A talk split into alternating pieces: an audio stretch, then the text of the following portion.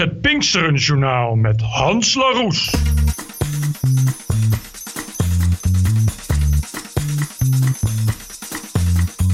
This is the TPO podcast. Ranting and Reason. With Bert Brussen and Roderick Phalo. Geert Wilders wint eerste slag van D66-rechters. Hollywood heeft heus wel oog voor arme mensen. Kuzu dol op nazi-jargon. om levensruimte te creëren. Met de Heim ins Reich gedachte. Millennials goed bezig. Ik denk dat de millennial heel erg bezig is met een enorm sociaal bewustzijn creëren. Heel erg met, met inderdaad identiteitspolitiek. Eh, maar ook gewoon kijken van hoe kun ik in mijn eentje een goed leven leiden. En de bonusquote komt uit het Witte Huis. Welkom bij aflevering 68. This is the TPO podcast. Zo. Bert, Zo. je hebt vakantie Zo. gehad. Zo. Ja, ik, ik ging lekker weg in eigen land. Waar ben je geweest? Naar, eh, helemaal naar het zuiden, naar eh, Puerto Rico. Dat is niet het land Puerto Rico, maar gewoon eh, het plaatsje Puerto Rico. Wat gewoon een soort toeristische enclave is aan het strand. Maar omdat het nu mei is, zijn er niet zo heel veel toeristen. Maar wel strak blauwe hemel en eh 30 graden zon. En het is eigenlijk maar heel kort. Je kan echt vanaf van Las Palmas naar, helemaal naar het zuidelijkste puntje... doe je nog geen uur over met de auto. Oké. Eh, ik was vandaag bezig met ehm, mijn tuin en een tuinhuis. Ik ben helemaal geen man van een tuinhuis. Ik ben ook geen man van de tuin. Jij hebt helemaal geen tuin. Hoe kom je aan een tuin? Ja, heb je ik- een tuin ik- gekocht? Ik heb een tuin gekocht en daar er staat een, een, een tuinhuis op. Dat tuinhuis dat moet eh, opnieuw in de verf. Dus daar ben ik mee bezig. Maar ik ben niet eh, zo iemand. Ik ben iemand van de draadjes en de mengpanelen en de snoeren en de elektronica. Daar ben ik van. Dit is nou echt buiten je, buiten je eigen comfortzone. Nou, behoorlijk, behoorlijk. Ik ben ook blij dat je het met iedereen deelt. Dit zijn Ja. wel dingen die iedereen wil weten. Ja? Wat eh, staat er in het tuinhuisje? Of liggen daar gewoon, ki- liggen daar gewoon kinderlijkjes en dat soort dingen? Nou, die ben ik nog niet tegengekomen. Maar die liggen misschien je, eh, onder, onder, daaronder. Ja, dat zou kunnen. Dru- drugs aan het koken, crystal meth en zo. Ja. Of staan er gewoon tuinspullen in? Doe eens Nou ja, ik moet zeggen, voor mensen die eh, in een stad wonen zoals ik, jij bent de, de stad ook ontvlucht, is dit misschien Ja. nog wel een, een, een, eh, ook een oplossing. Een goedkopere oplossing misschien wel. Bert, het is de tweede Pinksterdag. eh, als we dit opnemen, maandagavond 21 mei. We worden door de media overvoerd met filmpjes en uitleg over de Ramadan. En de mensen weten niks over Pinksteren. Het zou mooi zijn als eh, de journalistiek gewoon elk jaar eh, massaal aandacht besteedt aan Pinksteren. Zoals eh, een leuke Pinksterquiz. En dat we dan bijvoorbeeld in Kids Week ook een uitgebreid verhaal met vragen en antwoorden. Wat is Pinksteren precies? En wat is dat eigenlijk? Het christendom. En dat we dan ook, nou ja, kijk, dan heb je bijvoorbeeld zoals nu. Dan vallen de Pinksterdagen, die vallen dan een beetje zo in de eindexamens. Dus dan is het gewoon mooi als je van die dappere eindexamenkandidaten kan gaan vragen van ja, hoe is dat eigenlijk dat je tijdens Pinksteren eh, eindexamen moet doen. En dat lijkt me gewoon leuk dat van die keurige inclusieve couranten als het AD of bijvoorbeeld NSC, dat lijkt me heel leuk dat die dan een fotoreportage plaatsen met Pinksterviering wereldwijd. Dat zou heel goed zijn. Het zou goed zijn als het elk jaar een beetje meer wordt. En dat dan ook ja, de detailhandel daarop op gaat inspelen. Dus dat die dan ook speciaal voor de Pinksterdagen producten in het schap leggen. En dat dan eh, bijvoorbeeld politie, dat lijkt me heel leuk. Dat dan, eh, dat is, maar het is een heel gek idee dit. Maar dat dan zeg maar politie in het kader van verbinding elke Pinksteren weer Pinkstermaaltijden gaat aflopen in diverse steden. En dat je dan eh, ah, op Twitter en, en, eh, en Instagram, dat je dan allemaal foto's ziet nou, van leuke christelijke Pinkstermensen samen met politiebaasjes. En dat je dan ook als burger, dat je dan bijvoorbeeld eh, een week daarna aangifte gaat doen. En zegt de politie, nee, nee, nee, nee daar hebben we nu geen tijd en geen prioriteit voor. Nee, nee, nee, geen, geen manschap. En ICT werkt ook niet. En dat je dan denkt van, nou, ah, het is maar goed dat jullie wel elke keer Pinksteren kunnen vieren. Want dat houdt gewoon de boel lekker bij elkaar, zo'n beetje met die christenen. Vind je dat geen goed idee? Het lijkt mij gewoon een, een uitstekend idee. Dan noemen we het Pinksterjournalistiek, noemen we het dan. Ja. En mag je dan ook kritische vragen stellen over of de overheid eh, in het geval van de politie zich dan wel zo mag bemoeien met eh, religieuze feestdagen als eerste en tweede Pinksterdag? Nee, nee, nee, geen kritische vragen. In godsnaam, geen kritische vragen. Dat is zo een misverstand in Nederland. Dat journalistiek bedoeld zou zijn voor kritische vragen. Maar dat is totaal niet zo. Dat is een wijdverbreid misverstand. Zeker als het gaat om religies. Zeker als het gaat om echt leuke dappere, krachtige religies van exotische aard. Dat mensen echt nog iets spiritueels van binnen doen. Terwijl wij als posthedonistische samenleving daar een beetje kapitalistisch leeg naar zitten te kijken. Dan moet je vooral geen kritische vragen stellen. Je moet dat echt zoveel mogelijk opheffen. Eigenlijk bijna als het ware dat je als lezer denkt van... Jemie, nee, wat zie ik nu? Mijn vaste courante medium lijkt wel een slippendrager voor een zekere religie. This is the TPO podcast. Afgelopen donderdag, toen was er een klinkende overwinning voor het Tweede Kamerlid Geert Wilders en zijn advocaat Geert-Jan Knoops. De rechters van het Hof die zouden mm, oordelen in hoger beroep. Eh, zij mogen naar huis, want de wrakingskamer gaf Wilders 100% gelijk. De wrakingskamer is van oordeel dat gelet op al deze omstandigheden de afwijzing van de verzoeker van de verdediging zo sumier en onbegrijpelijk is dat de vrees bij verzoeker voor vooringenomenheid van de strafkamer op dit punt objectief gerechtvaardigd is. Ja, even uitleggen. Sumier en onbegrijpelijk, dat was de uitleg van eh, de, de rechters. Waarom Wilders wel vervolgen wegens beledigen en discrimineren van Marokkanen. En waarom Pechtold niet wegens het beledigen en discrimineren van Russen. Pechtold had namelijk gezegd dat eh, hij de eerste Rus nog moest tegenkomen die zijn eigen fouten toegaf. Bert, een, een onvoorstelbaar hard oordeel van de wrakingskamer eigenlijk. Hè? Het, Ja. het, het Hof maakt zich er met een Jantje van Leijen van af. Eh, ja, ik heb, eh, ik heb het hierover. Ik ken toevallig eh, een goede advocaat, daar ben ik goed bevriend mee. En daar heb ik het over gehad. En die was ook inderdaad lichtelijk verbaasd. Dit was ook eigenlijk, eigenlijk helemaal nieuw. Niemand had verwacht dat dit zomaar gevraagd zou worden. Er is een, een kamer van drie rechters, waarvan er dus minimaal één is geweest. Of twee, maar die heeft misschien een andere kunnen overtuigen om dat, die toch toe te staan. Mijn ultieme droomscenario kon dit wel eens eh, een hele harde klappen gaan opleveren. Want als dus inderdaad blijkt dat eh, destijds het OM eigenlijk met een hele brakke motivatie, erger nog met vooringenomen motivatie, Pechtold niet en Wilders wel. En dat komt naar buiten. Eh, ja, dat is een eh, vrij harde slag voor de rechtsstaat. Ik ben erg benieuwd wat er dan gaat gebeuren. Dat Pechtold hierbij betrokken raakt. En natuurlijk extra vervelend voor de, de rechterlijke macht. Omdat Wilders de rechterlijke macht heel vaak in de hoek zet van D66-rechters. D66-rechters. En dus pikanter wordt het niet. En deze Nee. verraking is dus al heel pikant. Dit is inderdaad, de gedachte was... Ja, ik kan wraken wat hij wil, maar wij D66-rechters gaan het toch niet toestaan. En het is eigenlijk heel absurd dat het nu gebeurd is. Maar er zitten dus kennelijk ook rechters die zeggen van wacht eens even. Eh, hij heeft eigenlijk wel een puntje. Er zat ook een, een, een oud-rechter eh, bij Nieuwsuur en die zei precies dit. Die zei, eh, ik ben verbaasd, zeer verbaasd. Maar als ik het teruglees, dan kan ik het eigenlijk heel goed begrijpen. Waarom de wrakingskamer tot dit oordeel komt. En, en dat zegt ook iets over ja, de gewoonte binnen de rechterlijke macht. Weet je? Dit, dit, dit wordt eigenlijk heel snel afgedaan van nou ja, wij hoeven ons daar niet voor te verantwoorden.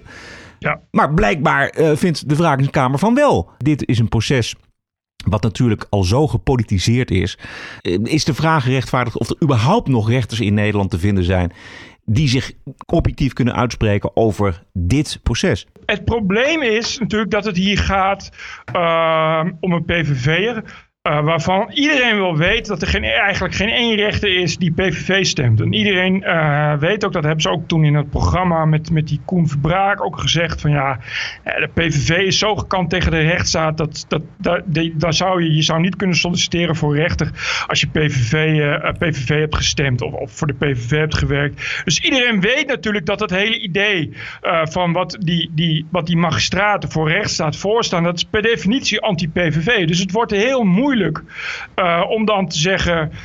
Ja, het is allemaal nog onafhankelijk. Maar het wordt wel ook steeds meer een fuck-up. Want door het toestaan van deze wraking krijgt inderdaad Wilders veel meer eh, munitie. En krijg je inderdaad veel meer, nog veel meer de suggestie dat er dus iets aan de hand is. En dat het dus allemaal niet zo lekker gaat. Zo'n besluit van de wrakingskamer moet dan weer wel zorgen voor meer vertrouwen in het rechtssysteem in Nederland. Maar ja,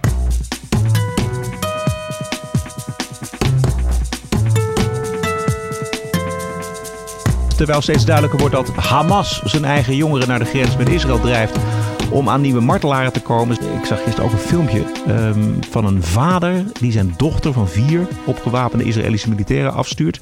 ja. Ik weet niet of je dat ook gezien hebt, maar dat was echt te walgelijk ik ken voor ze- woorden.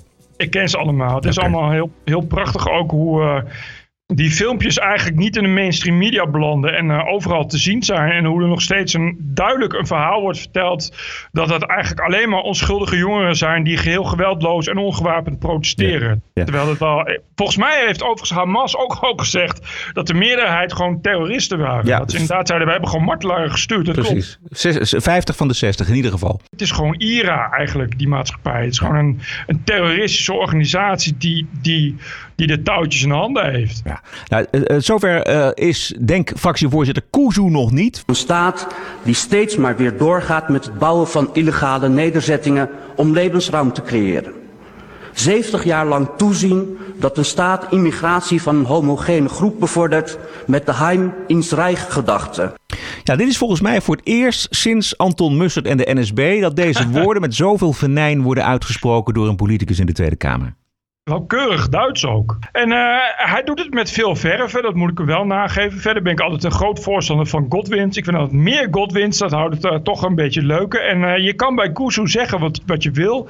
Maar het is wel iemand die dat dan ook, ook gericht en doeltreffend doet. Ik bedoel, de reacties zijn er ook naar. En hij weet natuurlijk exact welke reacties er gaan komen. Ja. Het is ook echt wat je zegt. hij zegt niet zomaar iets. Hij zegt echt, hoe kan ik dit zeg maar, ja, het, het hardste zeggen tegen mensen dat er de meeste reacties op komen. Kuzu is echt het spiegelbeeld van Geert Wilders. Hij zoekt echt tot op de laatste komma nauwkeurig, wat kan ik nu hier het beste zeggen dat mensen daar het meest boos van worden. En dat is toch uiteindelijk geniaal. Ja, ik bedoel, uh, het is nogal uh, kwetsend wat hij zegt. En, uh, het, CD, het CD wordt boos. Maar goed, het CD is eigenlijk altijd al boos. Dus weet je, het maar hij doet het puur om te provoceren hem... natuurlijk. Ik bedoel, laat daar ja, geen misverstand alleen maar, ja. alleen maar. Dat ja. heeft hij toen ook gedaan met, met Netanyahu, die hij geen hand wilde Ach, geven. Jezus, hij, hij wist exact dat daar heel veel camera's bij zouden zijn. En dat als hij dat op die manier zo zou doen, hij had geloof ik ook een Palestina-speeltje op. En noem het maar op. Dus, maar dus, dat is helemaal niet, ja. niets nieuws. Dat, leren, dat kun je gewoon inderdaad leren uit geschiedenis. En dat kun je ook dat kun je van Goebbels leren. Maar je kunt het ook van alle Amerikaanse presidenten leren. So you name it. Dit is helemaal ja. niet... Het is puur uh, politieke demagogie die hij bedrijft. En volgens mij is daar helemaal niets mis mee. Nou, hij is nou, en dat vind ik het rare, dat mensen die gaan dan helemaal los op Kuzu en denken van ja, hij doet precies hetzelfde als wat, wat alle anderen ook doen. Alleen hij kiest, hij heeft zijn eigen niche en zijn eigen doelgroep. Maar reken maar dat die doelgroep dat vreet. Ja, ja natuurlijk. Maar da daar is het hem dus om te doen. Om de aandacht en, en de verontwaardiging. Absoluut. Uh, Absoluut. Ja, ja. Ze doen precies waarvan wij altijd hebben geroepen, ja, dat is vrijheid van meningsuiting. En, maar dan ineens, dan zie je dus dat al die mensen die altijd normaal zo'n grote ridder van het, van het vrije woord zijn, als ze denken zeggen ze ineens allemaal dat, dat zijn mond moet houden en weet ik voor wat. Denk van ja, hoezo? Ja. Ik, ik ben het ook volstrekt niet met hem eens. Maar dit, dit is, hij speelt het precies zoals, zoals het moet via de blauwdruk. Nou, ik vind dat hij dat in elk geval niet slecht doet. Dat zeggen. Je kan het hem niet nageven dat het, dat, nee. dat het een windeieren legt. Dat is voor ons misschien heel vervelend, aangezien ik, ik het helemaal niet met uh, de inhoudelijke standpunten van Denk eens ben. Maar ja, het is wel wat de democratie vitaal houdt. Ik bedoel, ik ben er ook blij mee als dat gebeurt bij de PVV en als het gebeurt bij FVD. Dus laten we er ook blij zijn dat dat in elk geval lukt bij Dat is beter dan uh, uh, dat het niet lukt. Dan dat je een raar soort van polarisatie krijgt. Waardoor die mensen continu de mogelijkheid hebben om te zeggen... Ja, maar wat jullie doen is kwetsend en gemeen. Nu kunnen we zeggen van ja, maar goed, wat Kuzu doet is ook kwetsend en gemeen. Gaan jullie daar nu ook wat voor zeggen? Nee, dat gaan we niet fijn. Mooi, dan kunnen wij dat ook zeggen. Gelijke monniken, gelijke kap. TPO Podcast.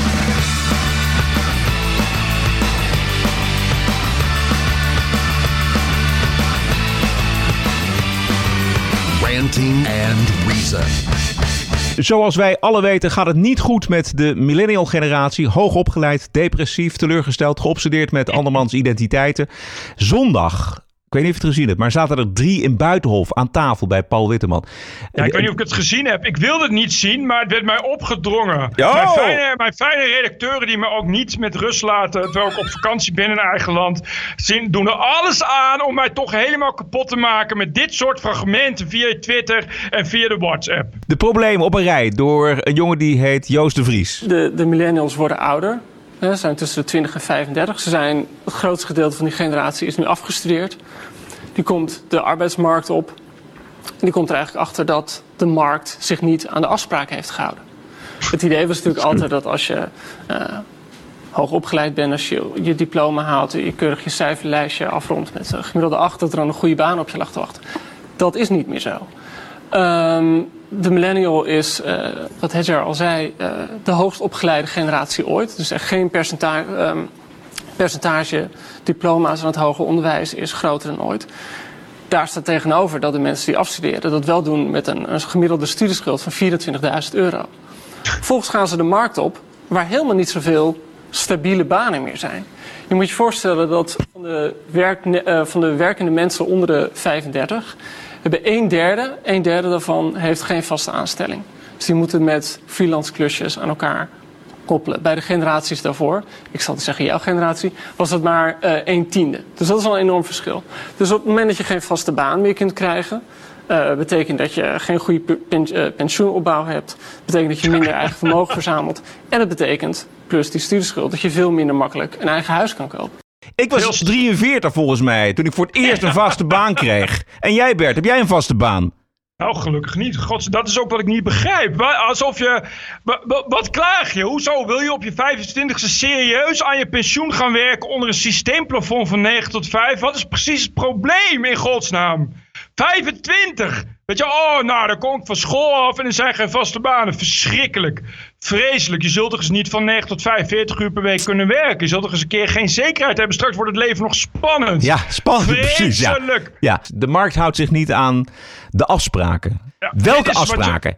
Dit is nou precies het resultaat van een volkomen dichtgetikt oh. uh, links, links sociaal-democratisch land. Dit is wat die mensen, die millennials, ook een hele school hebben opgedrongen gekregen. Hier zijn ze ook in geïndoctrineerd, namelijk de staat zorgt voor je.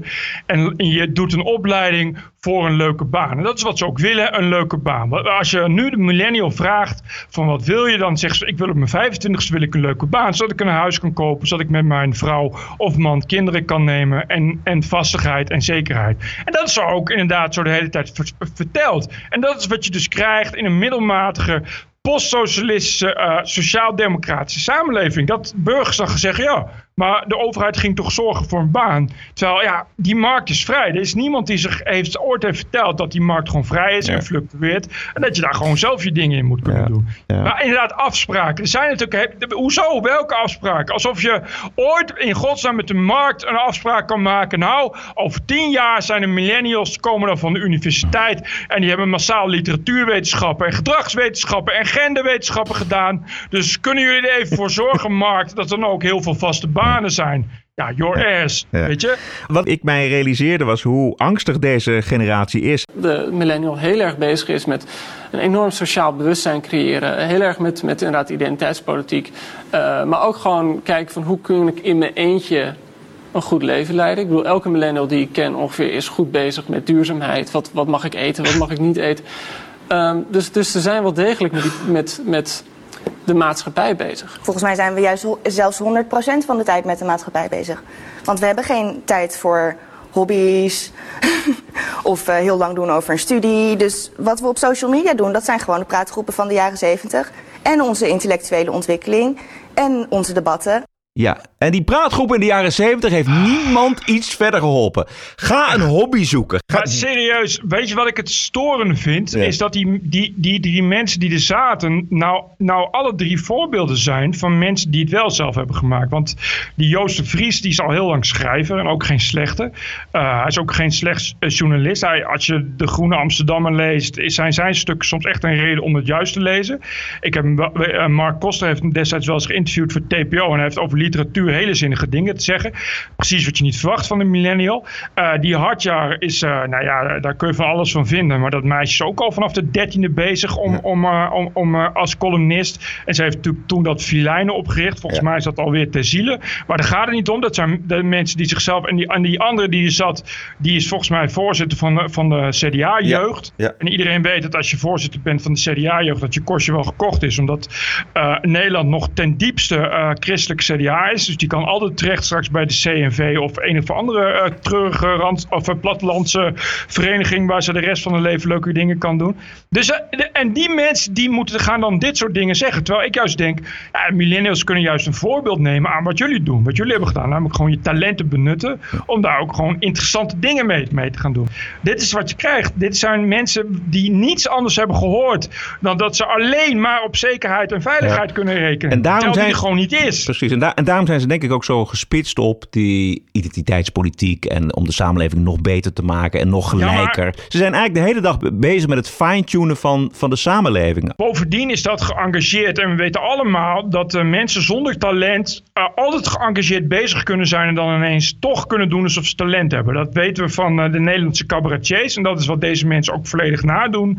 Als je maar stort op geëngageerdheid en stort op zogenaamd bezig zijn voor de maatschappij en voor de ander. Is altijd iemand die je liked. Altijd iemand die een duimpje in je kont duwt. En dat vinden ze allemaal heel leuk, millennials. En je hoeft er ook niets voor te kunnen, want iedereen kan dat. Dat is natuurlijk het grote voordeel. Daarom zeggen ze ook dat het een praatgroep is.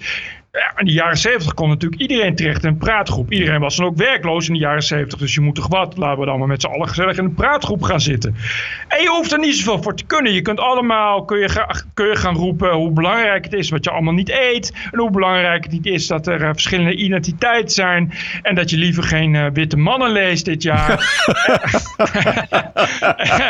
en dat je het zo Oh, wat was belangrijk dat erg. vindt- Oh, dat je het zo belangrijk vindt dat eh, de Libris Literatuurprijs naar een eh, allochtoon gaat. Hé, hij gaat naar een allochtoon, verrek. Weet je, je hoeft daar niks voor te kunnen, maar je kunt het wel leuk met z'n allen doen. En het is fijn een tijdsverdrijf. Dus dat meisjes zeggen wel, we hebben geen tijd voor hobby's. Maar het is natuurlijk één lange grote hobby. Het heeft helemaal echt precies hetzelfde als in de jaren zeventig. Kregen al die lui een uitkering om zogenaamd kunst te maken. Ik zie dat hier weer gebeuren. 25.000 euro studieschuld. Ik heb 50.000 euro studieschuld. Ik zie het probleem niet zo. Ik heb nog nul pensioen opgebouwd. Ik heb wel gewoon gespaard. En dat komt dat ik al heel vroeg dacht... Goh, laat ik eens leuke dingen gaan doen die ik kan. Dan komt daar misschien vanzelf ook wel geld uit. Misschien kunnen ze dat een keer gaan doen. Verder leek het me een goed idee om alle millennials gewoon te dumpen in de Oostvaardersplassen. En dan in de winter niet bij te voederen. Zodat het zich van zichzelf een beetje uitdunt. En als ze dan door het hek breken en de A6 oplopen, kunnen er altijd nog een paar afschieten. Of vangen en zo'n leuke coming of aids roman laten schrijven. Maar laten we in godsnaam ophouden met de hele tijd dit soort millennials, dit soort verschrikkelijke podia te geven. Want het is echt een en al zinloze droevenis waar gewoon echt helemaal niemand iets mee kan. Behalve dan dat dit soort mensen natuurlijk gewoon echt de hele tijd jengelen en drammen om nog eens een keer een aalmoes. Want dit is wat ze willen. Dus ja, misschien moeten we er gewoon mee ophouden om de hele tijd naar millennials te luisteren. Je kunt je alleen wel afvragen, en dat was de grootste zorg die ik heb. Deze millennials krijgen straks ook kinderen. En wat worden dat dan voor kinderen? Want dan wordt het nog erger dan millennials. Dat gaat me toch eh, uiteindelijk wel een beetje griezelig worden. Een Nee, nee, generatie nee, nee. Die Bert, die- Bert, eh, die, die generatie gaat zich weer afzetten tegen die generatie. Dus dat worden weer, eh, dat worden weer juppen. En het worden weer eh, hele rechtse mensen. Volgens mij. Godzijdank. TPO Podcast.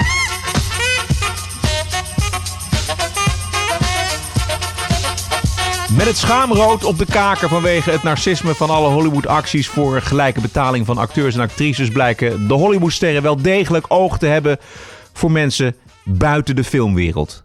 Goed. Wat prachtig. Wat een mooi gebaar. Wat een mooie, dappere, krachtige mensen zijn dit toch elke keer weer. En Bono van U2? Doe Ja, Bono ook ik wou het net Oh, zeggen. Hij gelukkig. doet ook mee. Gelukkig. Als Bono niet meedoet, wordt het toch niks. Dus nee, ik vind het heel fijn. Dit gaat de derde wereld waarschijnlijk in no time gaat dit de derde wereld veranderen. Ze zijn behoorlijk be- bezig geweest met zichzelf. En ik, volgens mij is daar een beetje de schaamte uit ontstaan. Dat ze dachten van ja, ze krijgen op, op een gegeven moment kregen ze toch wel vragen ook van... de acteur verdient dan anderhalf miljoen en jullie verdienen 1,4 miljoen. Eh, is dit het probleem? Dat wordt straks lachen, want dan krijg je weer dat dan eh, de een meer in beeld is dan de ander. En dan is het weer omdat hij blank is en geen vrouw. Oh ja. Terwijl er ook heel veel niet-blanke vrouwen, of oh, sowieso doen er wel genoeg vrouwen en mannen van kleur mee, doen er wel genoeg transgenders mee. Want dan krijg je weer dat dat kennelijk maar één soort elite is die dan de gelijkheid in de derde wereld gaat herstellen. Terwijl alle anderen kunnen dat ook. Ik las vandaag eh, dat in Spanje heb je een eh, soort ultralinkse militante partij die helaas heel groot is. Ik geloof dat inmiddels een derde erop stemt. En eh, de partijvoorzitter en de partijleider die eh, eh, zijn met elkaar getrouwd. En die staat een, kinderen staan, op, staan op, op de, in de toekomstrol. Dus zij is zwanger en dat wordt een tweeling. Dus wat hebben ze nou gedaan, die twee? Die hebben een nieuw huis gekocht. En dan raad je nooit wat voor een huis. Het is een hele dure villa met zwembad in een luxe, afgeschermde, veilige wijk.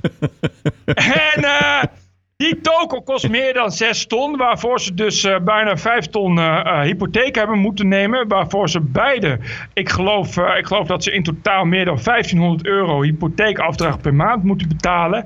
En dit zijn dus mensen die al jarenlang tekeer gaan tegen mensen die in te grote huizen wonen. En die vinden dat de arme, de arme arbeider ook meer verdient dan dat hij nu verdient. Dus je begrijpt, het uh, aloude bekende Marcel van Dam syndroom speelt Nee, ook. ik moet denken aan, aan Jan Hoekema en eh, Marleen Bart. Ja, dat, ja, precies, de rode barones.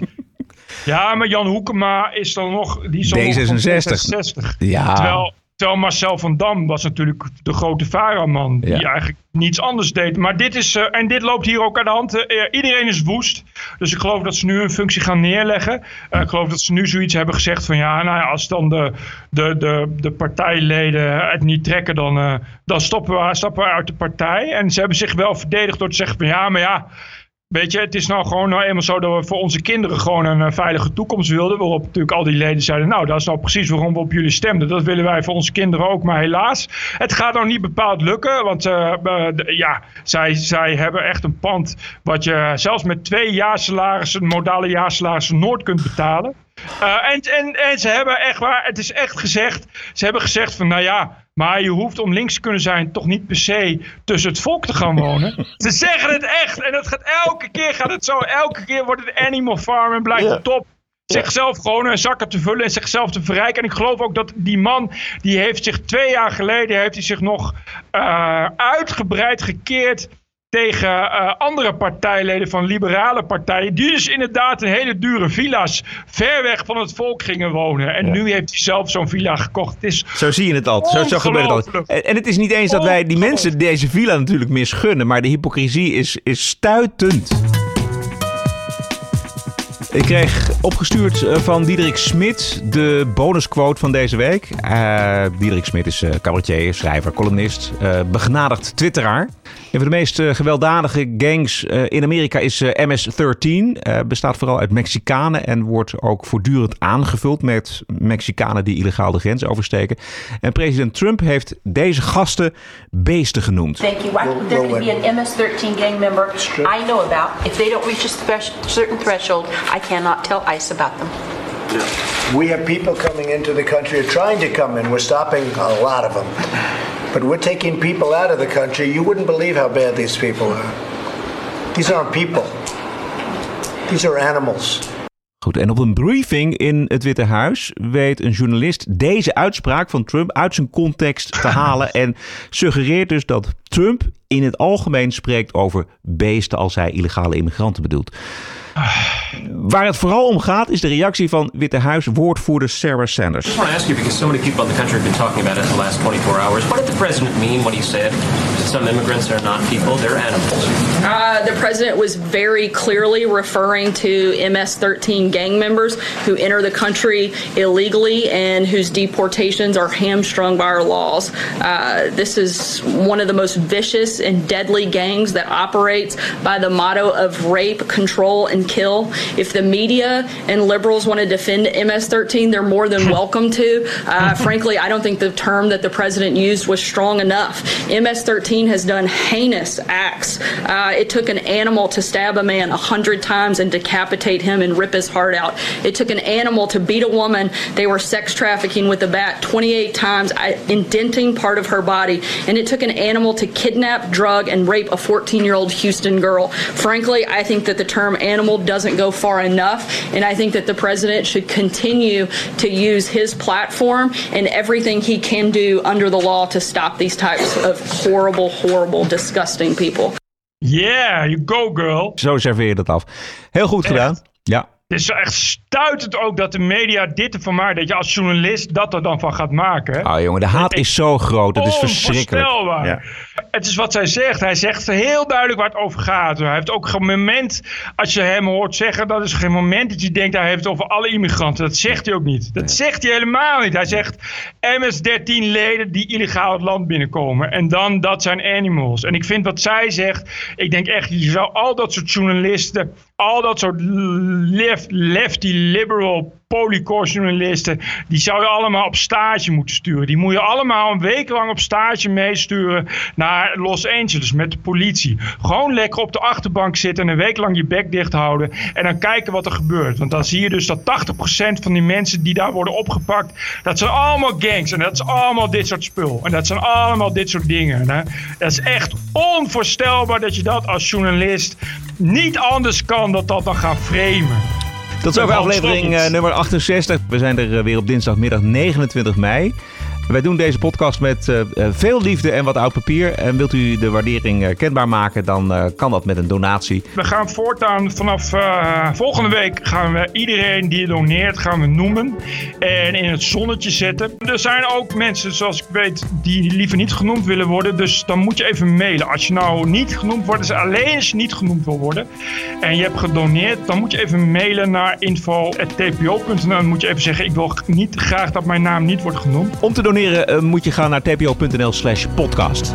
Tot ja. volgende week. TPO Podcast. Bert Brussen, Roderick Balo. Ranting and Reason.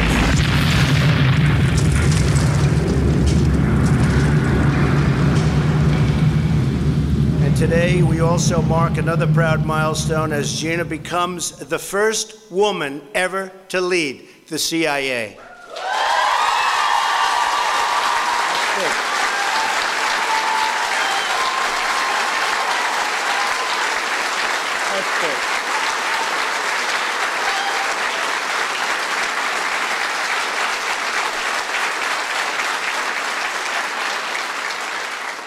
That's big.